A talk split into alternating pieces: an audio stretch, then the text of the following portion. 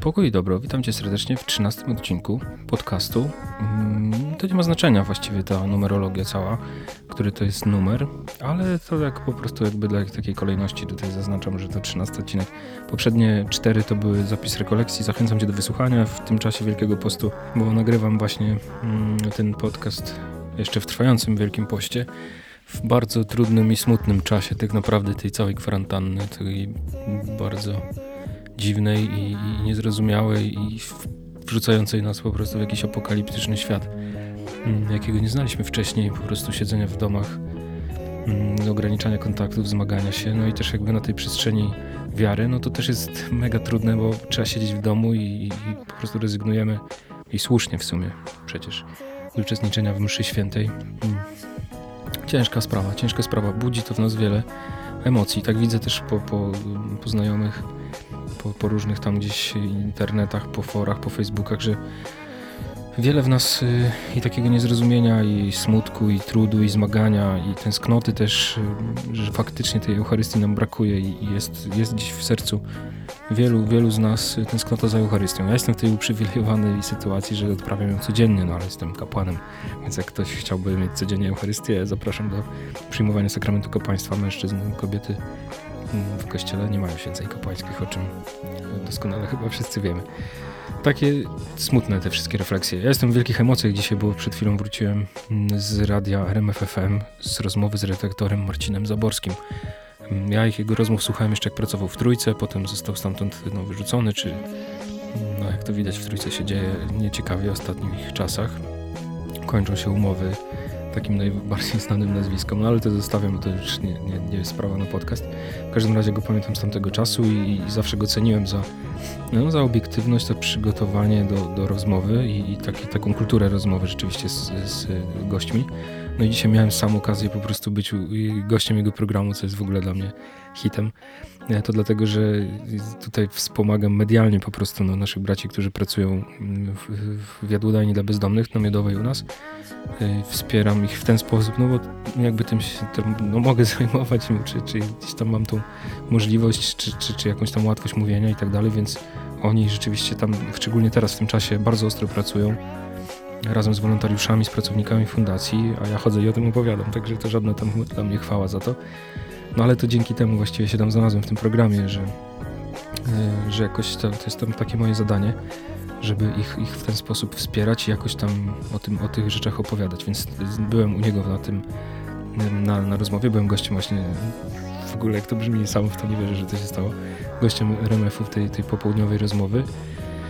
Jestem pod wielkim wrażeniem w ogóle mm, tego człowieka. Mówię o, o, o redaktorze Zaborskim, o jego kulturze, przygotowaniu do rozmowy, researchu, jaki robi, no, warsztatu. Niesamowita sprawa.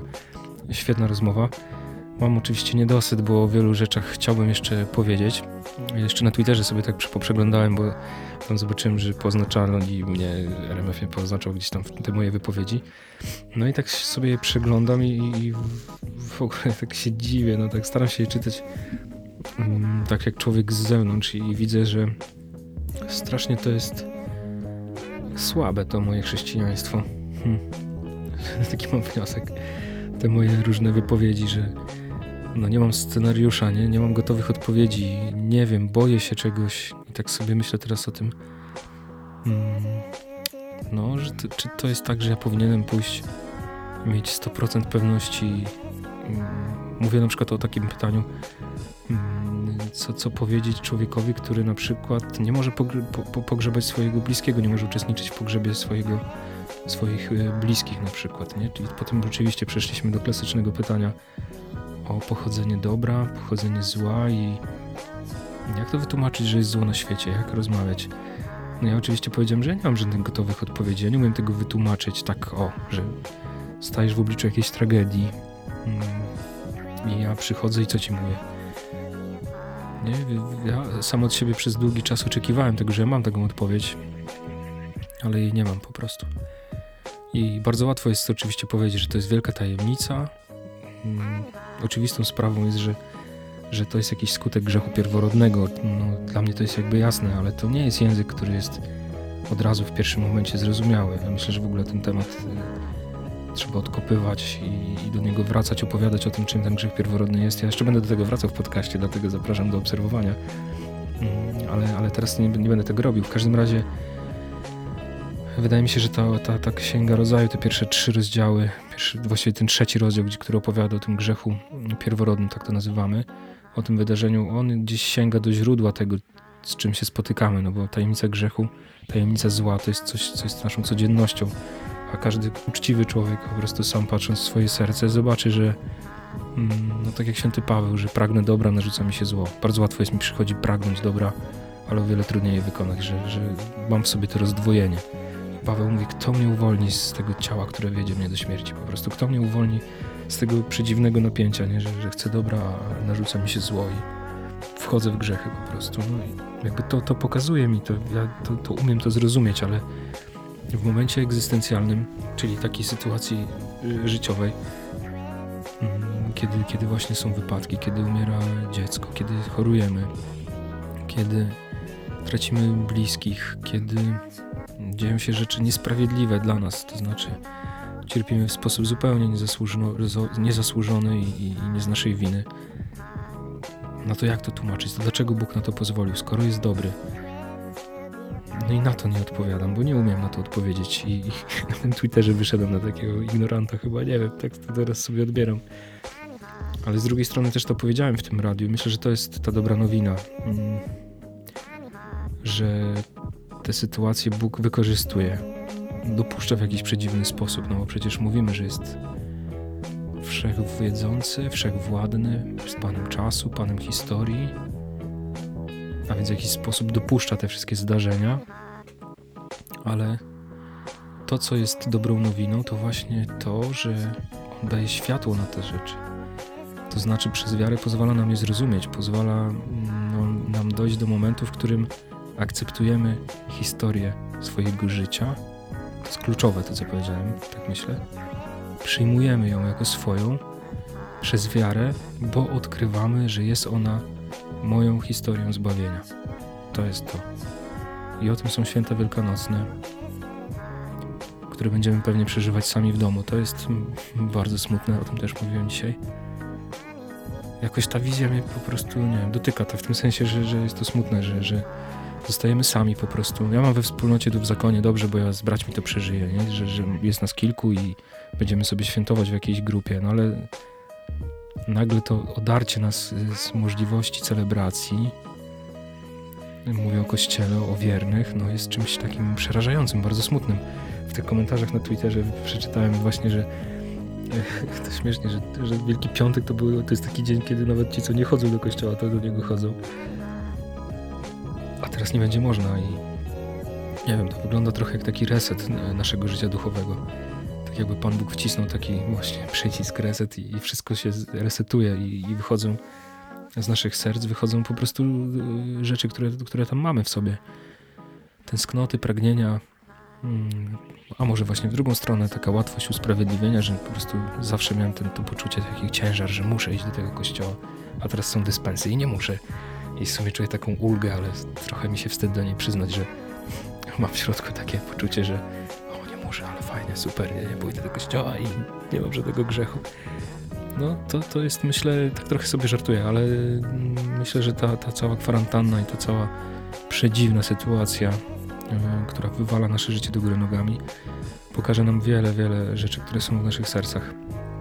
Mm, I chciałbym, chciałem nagrać odcinek w ogóle, jak przeżyć święta w domu, ale ja nie mam na to zielonego, nie mam o tym zielonego pojęcia, nie mam żadnego przepisu, nie mam żadnego pomysłu. Oprócz takich prostych rzeczy, które można zrobić, ja myślę, że jeszcze gdzieś tam o tym coś nagram, ale nie wiem, wydaje mi się, że po prostu tak mistycznie na to patrząc, jakie słowa masz, ja dzisiaj jestem, nie wiem, jakiś mam lot wysoki, ale, ale w kościele no, i w życiu chrześcijanina i w chrzcie. Chodzi o to, żebyśmy przeżyli w sobie życie Chrystusa. To, to życie Chrystusa ma się w nas objawić. Tak mówi Paweł święty Paweł, że, że aby życie Chrystusa w nas się objawiło. A to znaczy, że, że przeżyjemy to wszystko, co On przeżył, łącznie, łącznie z męką.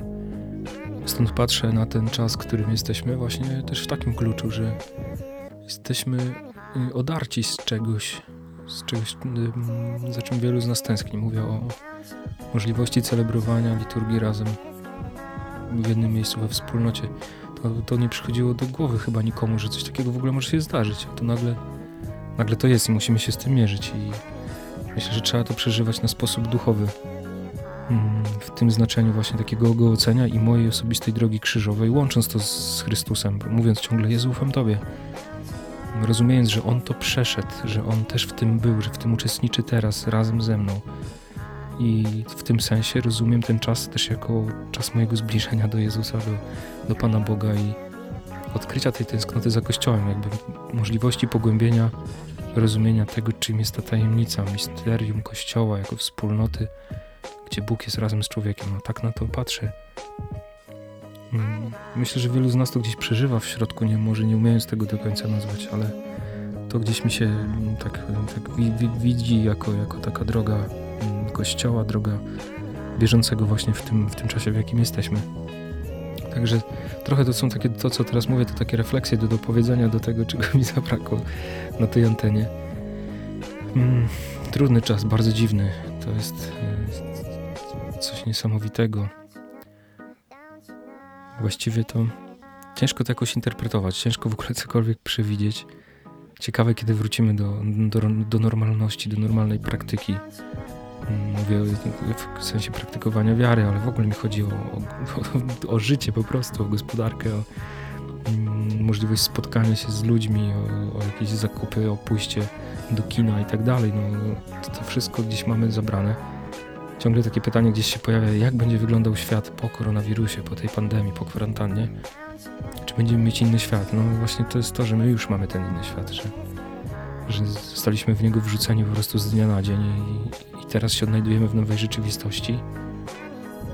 Już ten inny świat się zaczął. No, trudno przewidywać, co będzie. To mm, ja też szukam wieży oczywiście tej drogi. Y, dzisiaj jeszcze chcę podzielić się Jedną rzeczą, którą, którą dzisiaj bardzo piękną odkryłem, która mnie poruszyła, jest taka książka Naga Prawda Ewangelii, rekolekcje papieskie Hermesa Ronkiego. Hermes Ronki się nazywa. Świetny, świetny autor, fantastyczny. Mm, przeczytam wam kawałek książki, który, który dzisiaj przeczytałem i który mnie poruszył mocno i bardzo mi się podoba. Wszyscy rodzimy się jako byty namiętne, Nasze życie nie posuwa się naprzód dzięki rozkazom czy zakazom, ale za sprawą namiętności. Nie postępuje poprzez akty woli, ale poprzez fascynację. Nie idzie naprzód poprzez obowiązki, ale poprzez uwodzenie.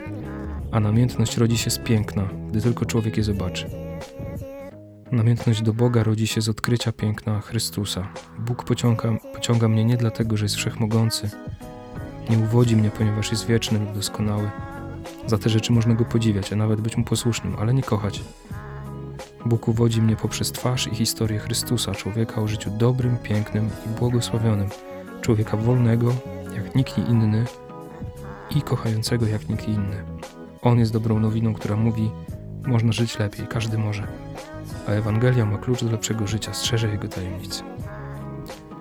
Dla mnie to jest genialny fragment, bo ja myślę podobnie po prostu i kiedy czytam kogoś, kto, kto gdzieś ubiera moje myśli w słowa. To jest zawsze świetne doświadczenie. W czasie tej rozmowy właśnie z redaktorem Zaborskim mówiłem o, o świętach Wielkanocy, o tym, co, co dla mnie jest istotą, o tym, że to jest święto przechodzenia ze śmierci do życia, z ciemności do światła, od braku nadziei do nadziei. I on powiedział, że to jest proste dla wierzącego, ale dla niewierzącego może być trudne. No i oczywiście to jest racja, pewnie. Mm, ale z drugiej strony wydaje mi się, że to jest dobra nowina też dla niewierzącego. Że jest jakaś możliwość zaakceptowania swojego życia, przyjęcia go i odkrycia, że ono ma sens. Że jest jakieś słowo, słowo, które jest mocne, które jest prawdą, no, które ma moc mnie wyrwać z tej ciemności, że, że taki Bóg przychodzi do mnie i, i Hermes Ronki świetnie to ujmuje, że, że tu nie chodzi o podziwianie Boga za Jego wszechmoc, chodzi o kochanie Go, o zafascynowanie się tym, kim jest Chrystus. I, i to nam pokazuje Ewangelia. Żeby patrzeć na Chrystusa i, i, i dać się uwieść Jego życiu, temu jak On żył, Jego sercu, które, które rzeczywiście jest dobre, które jest kochające, które przygarnia. Ja bardzo lubię to słowo świętego Pawła, że Chrystus, że Bóg w Chrystusie nas przygarnął, mm, przytulił. Tak mi się to kojarzy z takim wzięciem psa ze schroniska. Ja tak się czasami czuję. I to nie, żeby się czuć jakoś gorzej przed Bogiem, tylko właśnie jakby w takim, w takim duchu przygarnięcia, zupełnej bezinteresowności. Może ten pies to może złe porównanie. Bo przecież chodzi nam o, o ten najwyższy wymiar relacji. O bezinteresowną miłość. To taki prosty obraz, może taki no, nieszczęśliwy przykład, ale ale obrazowy. Czasami bardziej lubimy, te, teraz sobie tak pomyślałem, że, że czasami bardziej lubimy te przykłady o zwierzątkach niż o ludziach. No ale to już inny temat. W każdym razie to, to, to słowo o przygarnianiu to jest to. I on tam dalej mówi, uczmy się to, do kapłanów, nie? żeby teraz tak mówić o Chrystusie, żeby zapalać serca drugiego człowieka, żeby ktoś go chciał poznać i, i odkryć to piękno, które ty odkrywasz. No to jest zadanie dla nas. Ojejku, trochę chaosu dzisiaj w tym odcinku, ale tak zbieram te wszystkie y, różne tutaj mm, refleksje, myśli, emocje, których gdzieś mam teraz dużo po tym dniu. Mm. Ciężko powiedzieć, co chcę na koniec życiowy jakieś super przesłanie zostawić do, do ciebie, do wszystkich słuchaczy podcastu Proste Słowa. Tak sobie myślę, że, że trochę teraz y, może być ciężko, bo tak na początku myślałem tej kwarantanny, że, że to będzie świetny czas, żeby wejść w kontemplację, w modlitwę, poczytać książki, których się nie czytało bardzo dawno, no ale też może, możesz mieć sytuację, w której, nie wiem, wróciłeś do domu, siedzisz w domu, a tam się po prostu nie da ani skupić, ani pomodlić, bo wracasz do starych spraw i tam się to wszystko gromadzi i jeszcze tym bardziej, że nie możesz wyjść z domu, to wszystko jeszcze po prostu jak się gotuje, jak jakaś bomba, nie? I, i, i zaraz wybuchnie. Ale może też o to chodzi, żeby coś pękło. Trudno powiedzieć. Trudno powiedzieć, to jest chyba najlepsze określenie w ogóle o tej kwarantannie. Ale, ale myślę, że to jest ta najlepsza zachęta, to są te duchowe rzeczy, żeby, żeby pójść trochę w duchowość, bo taki czas, jaki masz teraz, to, to pewnie prędko go nie będzie. Mm, Takiego czasu, nie? Takiego odosobnienia trochę i, i spokoju, przestrzeni na różne rzeczy. Mm, Poznawaj Chrystusa, po prostu patrz na Jego obraz y, i w znaczeniu takim najprostszym ikony i, i pozwalaj gdzieś tam płynąć tej łasce Ducha Świętego, żeby ona otwierała Cię na ten obraz Chrystusa prawdziwy, na spotkanie serca, ale też czytaj Ewangelię. Obserwuj, jak y, Jezus rozmawia z ludźmi, jak na nich patrzy, co o nich myśli, jak się do nich odnosi. Mm, Oglądaj tą wrażliwość i, i też Jego modlitwę, jak, jak, on, jak On mówi o Ojcu, że, że ta Jego misja to jest po prostu ciągłe mówienie o Ojcu. To dzisiaj jest w Ewangelii o tym, że, że Chrystus przychodzi w imię Ojca, żeby pokazać Ci tą chwałę, jaką masz od Niego. Mm, I tego się ucz, tego, na to patrz. Czasem wystarczy po prostu jeden akapit z książki. No mnie to dzisiaj tak mm, siadło, to, to co przeczytałem e, chwilę temu. Bardzo mnie tak poruszyło, nie? Bo, bo to czuję, że to o to chodzi, nie? I, i to gdzieś mnie prowadzi dalej do, do, do jakiegoś rozważania. Także nie trzeba dużo, nie? Ja myślę, że, że nie trzeba sobie narzucać zaraz nie wiadomo jakiego reżimu modlitewnego, ale szukać tych inspiracji, tego co porusza po prostu moje serce. I iść za tym, nie? I, bo to tutaj działa Duch Święty. Także życzę Ci dużo wytrwałości na ten czas. Czas tego zmagania w kwarantannie i tej walki o siebie, o, o nadzieję. I mam nadzieję, że niedługo to wszystko wróci do normy i, i wrócimy do normalnego życia. Niech Bóg Ci błogosławi. Do usłyszenia w kolejnym odcinku Prostych Słów.